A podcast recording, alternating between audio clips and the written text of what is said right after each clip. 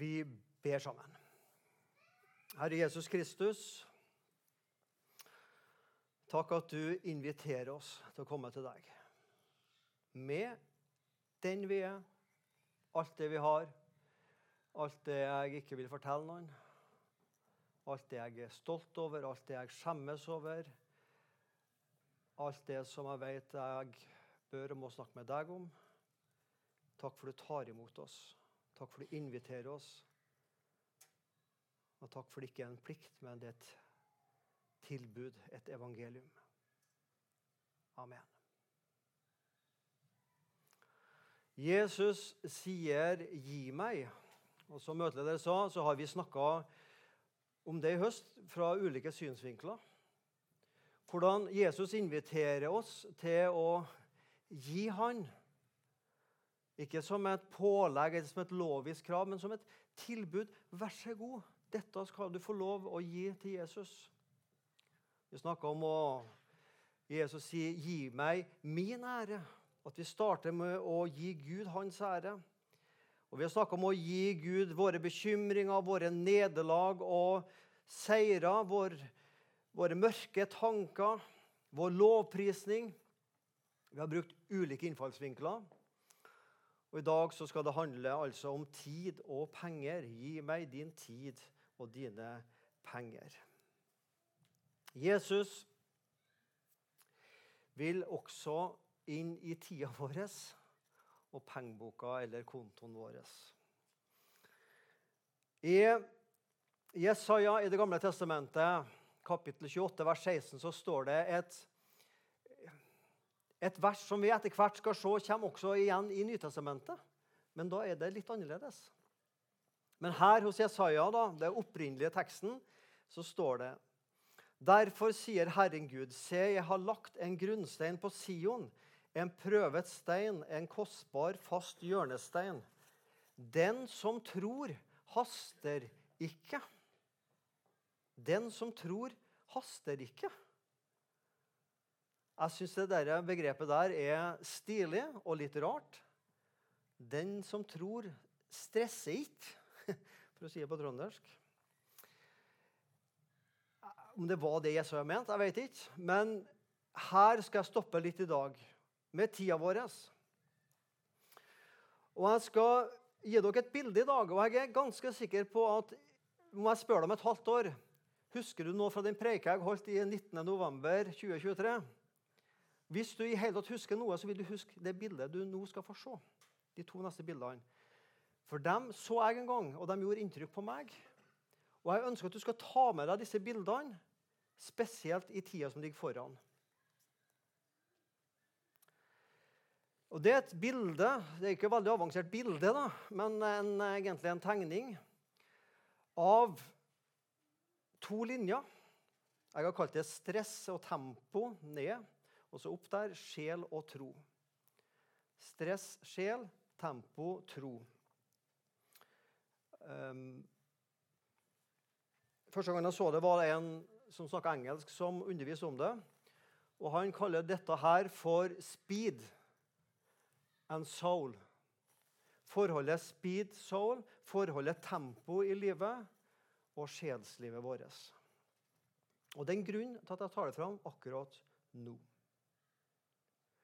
Dette forholdet mellom tempo i livet og troslivet vårt det henger sammen, og det påvirker. Det vil si, hvordan tempoet er i vårt liv, påvirker sjelslivet, men også åndslivet. Det er noe allmennmenneskelig. Vi fødes, vi begynner å gjøre ting, og vi kjenner at ja, livet er greit. Du studerer, du har, går på arbeid, og ting fungerer. Du tar på deg mer oppgaver. Måtte fylle tida med mer ting. Og du kjenner det går greit. Jeg kan takle dette her. Det går bra både helsemessig og sjelsmessig.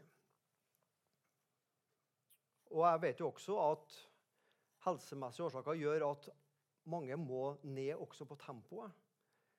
Men for de fleste av oss er det, eller for alle av oss er det en sammenheng her. Du får barn nummer én. Ja, det går greit. Du får barn nummer to. Tempoet går opp, og det går greit. Nummer tre. Og enkelte her i forsamlinga har både fire og fem. Og du kjenner liksom at etter hvert oi, man kommer til et visst nivå. Dette er sant allmennmenneskelig, men dette er også sant når det gjelder troslivet vårt. Og det er jo det jeg har lyst til å stoppe litt for i dag. Om å gi akt på vårt trosliv også når det gjelder tempo, the speed, i livet vårt. Jo flere år jeg lever med kristen, jo kanskje flere oppgaver og større ansvar tar jeg på meg, og en større hengivenhet til Jesus og Guds rike.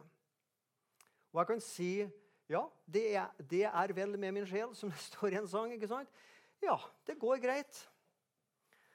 Og så er det neste bildet som du skal legge merke til. Dette går greit for oss fleste inn til et visst nivå. Så skjer dette.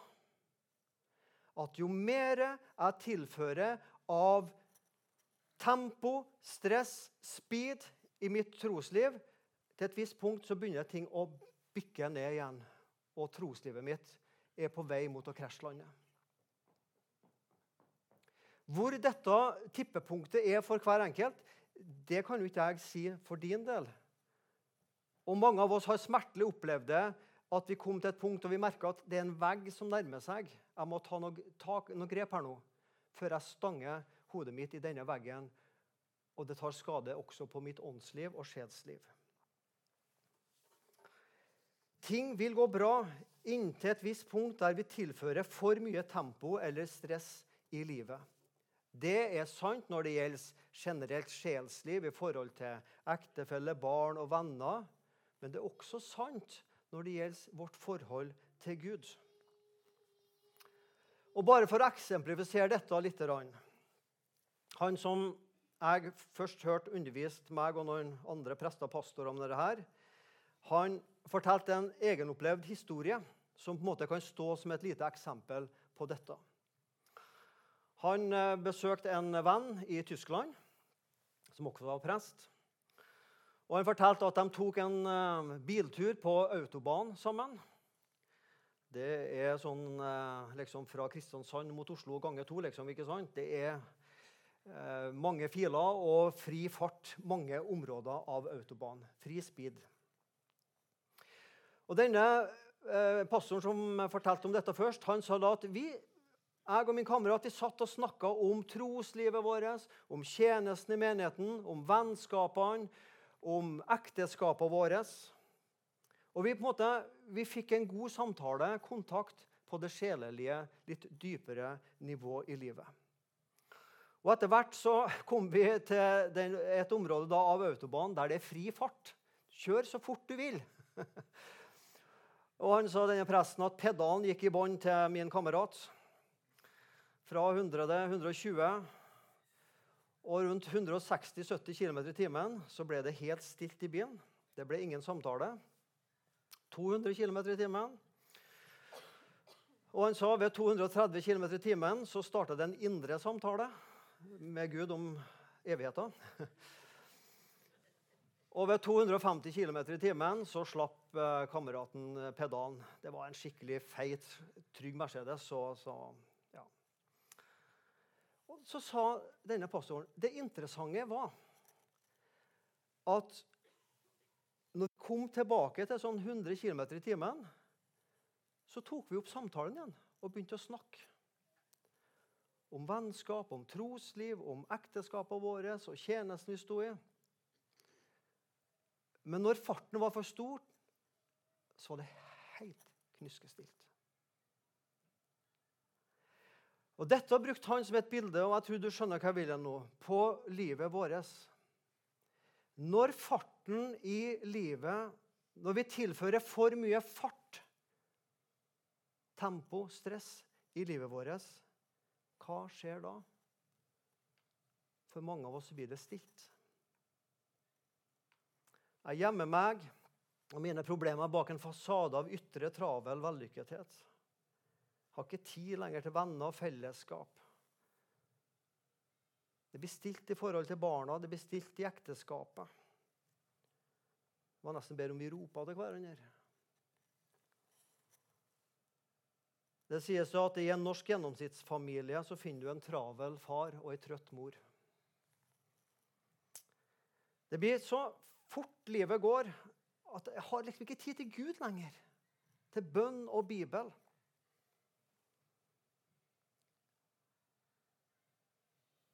Og Jeg tror mange av oss opplever dette i deler av livet.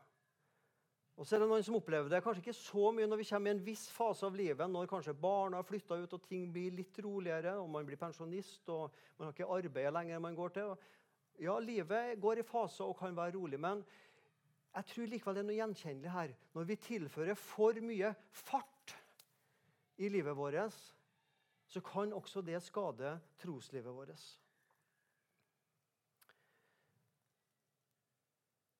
Og Det er en grunn til at jeg tar det opp akkurat ikke akkurat i dag, 19. november, som sådan. Men det er en grunn til at jeg tar det nå, og f.eks. ikke rundt påske. Hvorfor da? For nå står den travleste tida i året foran oss. Advent og jul. Og hvis livet ditt nå har en viss tempo nå, så er du også smertelig klar over at når vi går inn i advent, så går tempoet enda mer opp. Og advent, som skulle være en sånn tid for hjertets forberedelse til at Jesus kommer, og tid med Gud og roe ned, ble en sånn oppkava tid.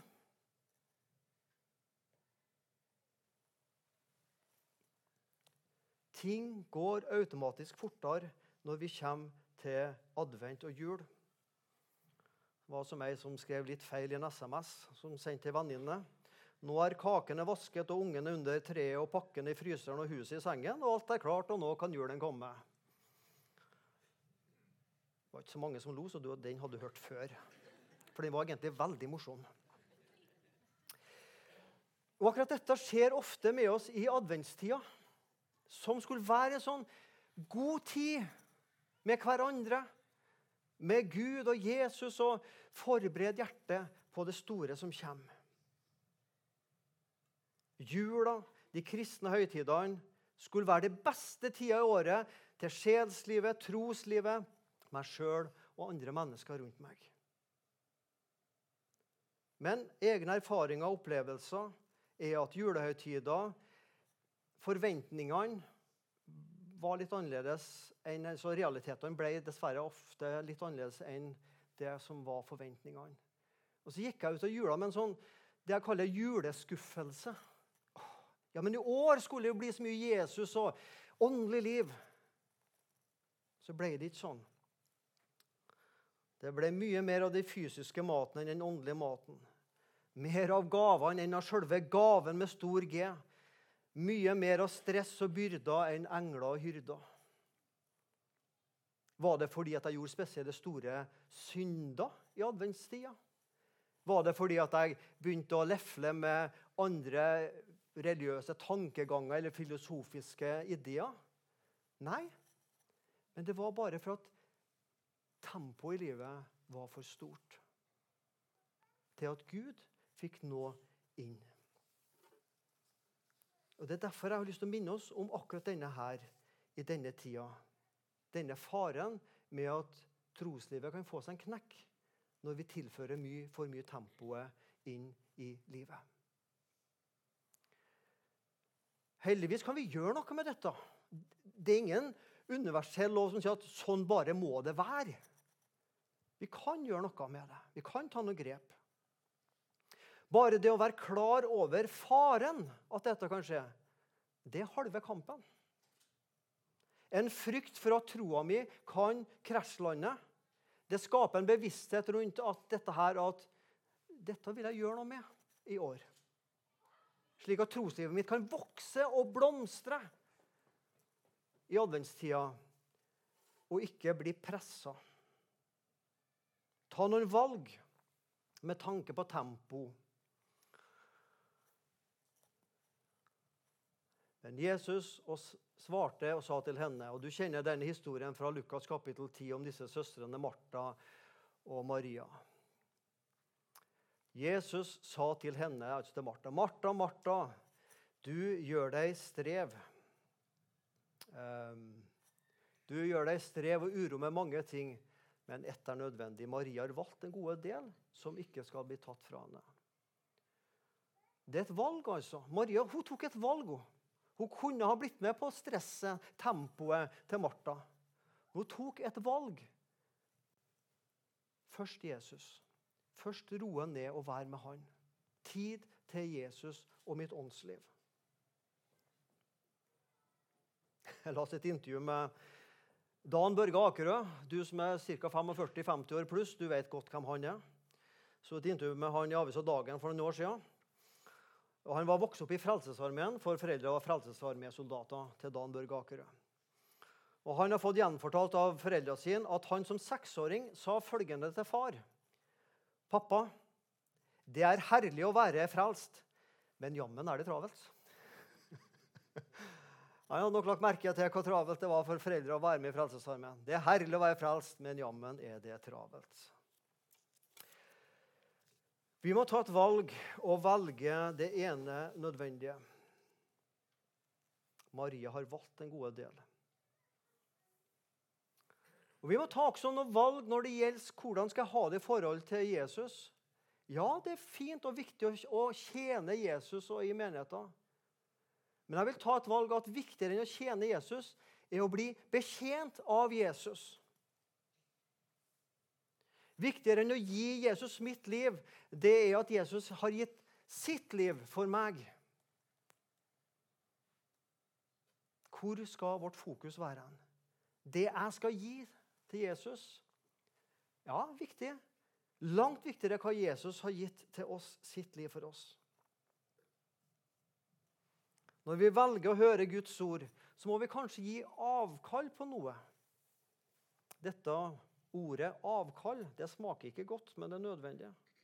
Kanskje var det et spennende TV-program en tur, et familiebesøk, en ekstra time søvn eller noe annet godt og viktig som måtte vente, eller kanskje også bli ugjort. Maria valgte den gode del. Bibel, bønn, forkynnelse, stillhet. Nå går vi inn i jul, og vi fokuserer på barnet i krybba. Jesus ble ikke lenge i krybba. Det var ikke mange timer og mange dager. Han hadde et mål med å komme som barn i krybba. Han hadde en vei fra krybben til korset, gikk veien for deg. Slik åpnet du veien til himmelen for meg. Det var et mål for Jesus. Ta deg tid også nå i adventstid og hør om korset. Beundre korset. Reflektere over hva det kosta Jesus å vandre til korset. Ta deg tid til å takke for korset. For når alt kommer til alt i et evighetsperspektiv, hva kan du ikke klare deg uten? Jeg kan ikke klare meg uten Jesu kors oppstandelse, Guds nåde. 100 saker kan være interessante. Ti saker kan være viktige, men ett er nødvendig. 100 saker kan være interessante. Ti saker kan være viktige, men kun ett er nødvendig.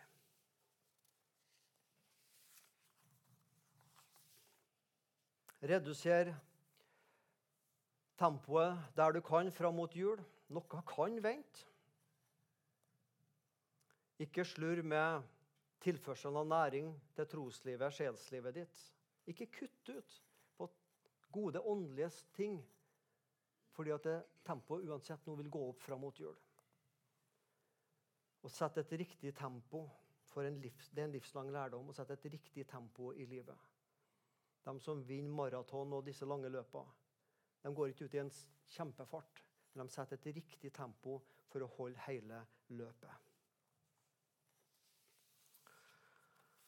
Jeg sa det at dette bibelverset fra Jesaja 28 det møter vi to plasser i Nytestamentet. Romerne 9,33 og 1. Peter 2,6.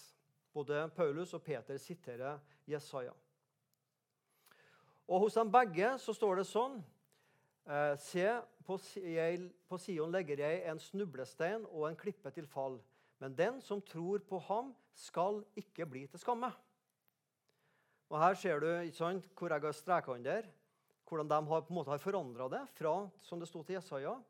Den som tror, haster ikke. Den som tror, skal ikke bli til skamme. Når vi haster i troslivet vårt, da lever vi grunt. Vi lever overfladisk. Vi blir som et tre som har så lange røtter under overflata. Og det skal ikke store brisen eller stormen til for å velte det treet. Men roer vi nok ned og ikke haster, så skal vi oppleve å få dype røtter som strekker seg til det levende vann. Og vi står stødigere i stormen. Vi blir ikke til skamme. Den som blir frelst, skal ikke bli til skamme. Jesus vil ha tida di. Jesus vil ha stillheten, roa. Ned med tempoet. Det trenger noen av oss å ta til oss. Det trenger alle å ta til seg. Jesus sier, 'Gi meg din tid, og gi meg dine penger'.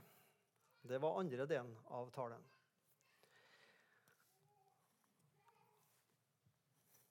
Ja, søndagsskolen de har starta, veit det. Men eh, ikke minst oss gutter har sikkert vært med på cowboy-indianer. Pengene eller livet. En liten parentes. Husker enda kvelden før min første skoledag. Jeg skulle starte i første klasse. Skulle pakke sekken. Jeg hadde en sånn av, Den tida var det sånn avlang sekk. Men sånn, gikk over, så var det to hemper som gikk ned sånn. Sant? Noen husker dem? Den var blå. Spraglete blå, husker jeg. Og Den hadde jeg pakka til første skoledag.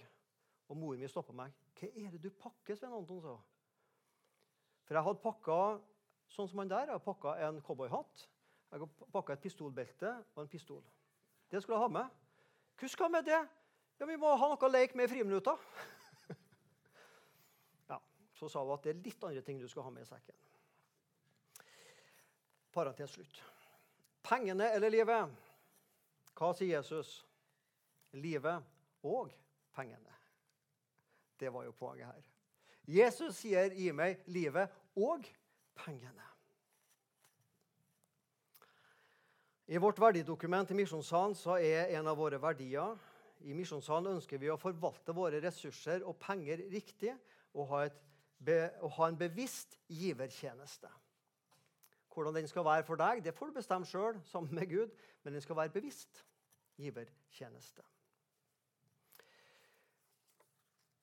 Jesus sier 'gi meg dine penger'. Og Det betyr at da må vi lære å gi til Gud og Guds rike. Hvorfor skal vi gi? Hvorfor har vi kollektoffer på sånne kristne møter sånn som vi har her? Hvorfor har vi fast givertjeneste? Hvorfor gir vi? Jeg skulle godt ha hatt bruk for de pengene sjøl til å nedbetale på lån og diverse ting jeg har lyst på, men hvorfor skal jeg, hvorfor skal jeg gi til Guds rike? Ja, For det første fordi Bibelen sier det. Altså, Bibelen sier vi skal gi. Da de bygde tabernaklet i Gamle testamentet, så var det mye snakk om givertjeneste. Og Det var innsamling til de første kristne, og det står det mye om i 2. Korinterbrev kapittel 8 og 9. At da bygde man relasjoner fellesskapet når alle var med og bidro med det man kunne. På den første dag i uken så la man til side, står det i 1. Korinterbrev kapittel 16. På den første dag i uken, det er søndagen, som er den første dag i uken, så la man til side det man skulle ofre til Guds rike. Vi skal gi fordi Bibelen sier det. Gud eier alt. Vi bare disponerer og låner det for noen år mens vi lever her. Og så skal vi være med å gi fordi Gud er en giver. Gud er jo spesialist på å gi. Det ligger i Guds eget DNA å gi framfor å ta og få. Jesus, et sitat av Jesus som står i apostelens gjerninger. Det er saligere å gi enn å få, skal Jesus ha sagt. Saligere. Du blir mer lykkeligere altså å gi enn å få. Men det ligger ikke i vårt DNA. Det er ikke medfødt. Vi må lære barna våre å gi, og vi må lære oss sjøl å gi. Vi trenger ikke å lære å få og ta imot, men vi må lære å gi. For det er kjekkere å få noe enn å gi noe. Så det må vi lære. Gud er en giver. Tenk bare på jul, eh, ja, ikke juleevangeliet, men altså den lille Bibelen, som også er et juleevangelium. For så høyt har Gud elsket verden at han gav barnet i krybben. Han gav, altså. Jesus, Gud ga. Gud er en giver. Snart skal vi ikke på møte her, men når det blir jul, syng julesangen. Gud sin egen sønn oss gav nå ved juletider. Derfor går et lovsangshav over verden vide. Derfor fra det høye kor lyder det her nede. Få og få Nei, står ikke det. Gi, det er din sak på jord. Gi og gi med glede. Med glede. Ikke bare gi, men gi med glede. Ah, det trenger jeg å lære. Gi det Guds sak, og gi det vår sak. Jeg vil bli mer lik Gud, og da, jeg bli, da må jeg bli en giver. Guds hjerte er å gi. Givertjeneste og misjon handler om hvordan vi disponerer det Gud har gitt oss. Ja. For de andre trenger det, så trenger vi å gi. Hvorfor er det vi husker historien om den barmhjertige samaritan? Jo, vi husker godheten og det som skjedde. Men hvorfor husker vi akkurat den barmhjertige samaritan? Var det fordi han følte så mye overfor den som lå på veien nedslått? Det gjorde han helt sikkert. Men vi husker det fordi han ofra tid, penger og krefter. Det kosta den barmhjertige samaritan noe å hjelpe den som var forslått. Vi kan altså ikke elske uten å ofre på en eller annen måte tid, penger og eller krefter. Ikke sant? Noe av det må vi gi og ofre. For de andre trenger det. Fattige, nødlidende. Misjon AS. Og vi skal gi fordi du trenger det, og jeg trenger det. Skal vi ta en håndsopprekning? Hvor mange materialister er det her i salen? Ja, ja, så det. Med en gang jeg tok ned, så tok folk ned òg. Altså, jeg har jo ikke lyst til å si at jeg er materialist. Og faktisk så er jeg ikke materialist. For jeg har laga meg en definisjon på materialist. En materialist det er den som har mer enn meg. Derfor blir jeg aldri materialist. Det er bare én medisin, vaksine mot materialisme. Vet du hva det er? Det er å gi. Jo mer du gir, jo mindre materialist blir du. Og jeg. Så jeg har godt av å gi, for da blir jeg mindre materialist. Hvorfor skal vi være med? Hvorfor vil Gud ha pengene våre? Jo, Bibelen sier at vi skal gi. Gud er en giver, andre trenger det, og du og jeg trenger det. Nå er jeg i målsonen. Hvordan kan vi gi? Vel, det er en valg, en holdning vi må ha. Altså, hvis ikke vi tar et valg og har en holdning om å gi, så blir det bare litt sånn tilfeldig nå og da. Det er fint, det òg, men det er enda finere å ha en bestemt seg for eksempel, kanskje et månedlig beløp som du vil sette til side. Det går veldig mange historier om en predikant som levde her for uh, mange år siden, som heter Sven Folløyen. Til og med folk i salen som er i slekt med han. Uh, og De kan eventuelt bekrefte om disse historiene her er sant, men uh, det sies at han var veldig på å få folk til å gi. Hvis folk har sagt at det er forbi en sak mellom meg og Gud, så bruker han å si at du skal ikke blande Gud inn, for da må du gi dobbelt så mye. Uh, så ja Vi må bestemme oss og ta en holdning. Hvor mye vil vi gi? Vi kan øke beløpet for hvert år, ha en fast givertjeneste. Vi kan gi andre ting enn penger, dugnad bake kake, gevinster til basar og til julemesser osv. Det er også en måte å være med og gi på. Og Her i Misjonsvann er det mange som er med og gir på den måten der. Jeg er stolt over det, når jeg hører hva folk er med og gir på av tid og penger og krefter og innsats på den måten. Kanskje du skal gi et abonnement på et kristent blad. Gi noen utsyn bladet Utsyn som julegave, eller gi Intro, som det heter, barnebladet. Det heter ikke Blåveisen lenger, nå heter det Intro. Gi det som en gave. Gi leiropphold. Gi et leiropphold f.eks. på Holmavatn eller andre leirsteder. Det er en fin gave du kan gi. En kristen bok. Mange ting vi kan gi. Og som det sto at uh, Gud elsker en glad giver, Eh, vi vil jo at Gud skal være glad i oss, men det, det å gi, det så Jeg skal vente med å gi til jeg kjenner gleden. Vet du hva som skjer da? Da blir du ventende resten av livet. Må ikke vente på at gleden skal komme. Du må begynne å gi, så kommer gleden. Ja. Tok du en? Ja. Begynn å gi, så kommer gleden. Og som møteleder sa, vi har en fast givertjeneste som heter fordelt giveravtale. Det er altså det samme, det som ligger på stolen deres. Se på det. Eh, ikke se på det for mange måneder og år, men fyll det ut. Du kan gå bak på desken der etterpå og snakke med han som står der. Eller du kan komme med meg og snakke om det. Så skal vi alltid få sendt inn. Eller du kan gjøre det også digitalt ved på, eh, på Misjonssambandets hjemmeside. Vær med, og takk til du som er med. Eh, dette huset kom ikke rekende på fjøl. Det var noen som investerte. Og misjonærer kommer heller ikke rekende på fjøl. Misjonæren kan ikke gå til reiseselskapet og si jeg skal ha en flybillett i kjære SAS, for jeg skal til Kina. Eller hvor man skal hen. Nei, noen må være med og gi. Tusen takk til du som har vært med i mange år og vært med og gitt inn til Guds rike og misjon. Gud elsker en glad giver. Det er ikke mine ord, men jeg vil gjerne slutte meg til de ordene. De står i Bibelen. Jesus sier, 'Gi meg din tid, og gi meg dine penger'. Herre Jesus Kristus. Ja, det er ikke så lett å gi pengeboka til ditt rike. Eller kontoen, eller tida vår.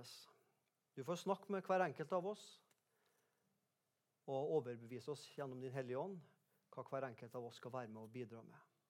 Så jeg har lyst til å takke for alle her i Misjonssalen som så rikelig er med å ofrer tid, penger og krefter i ditt rike.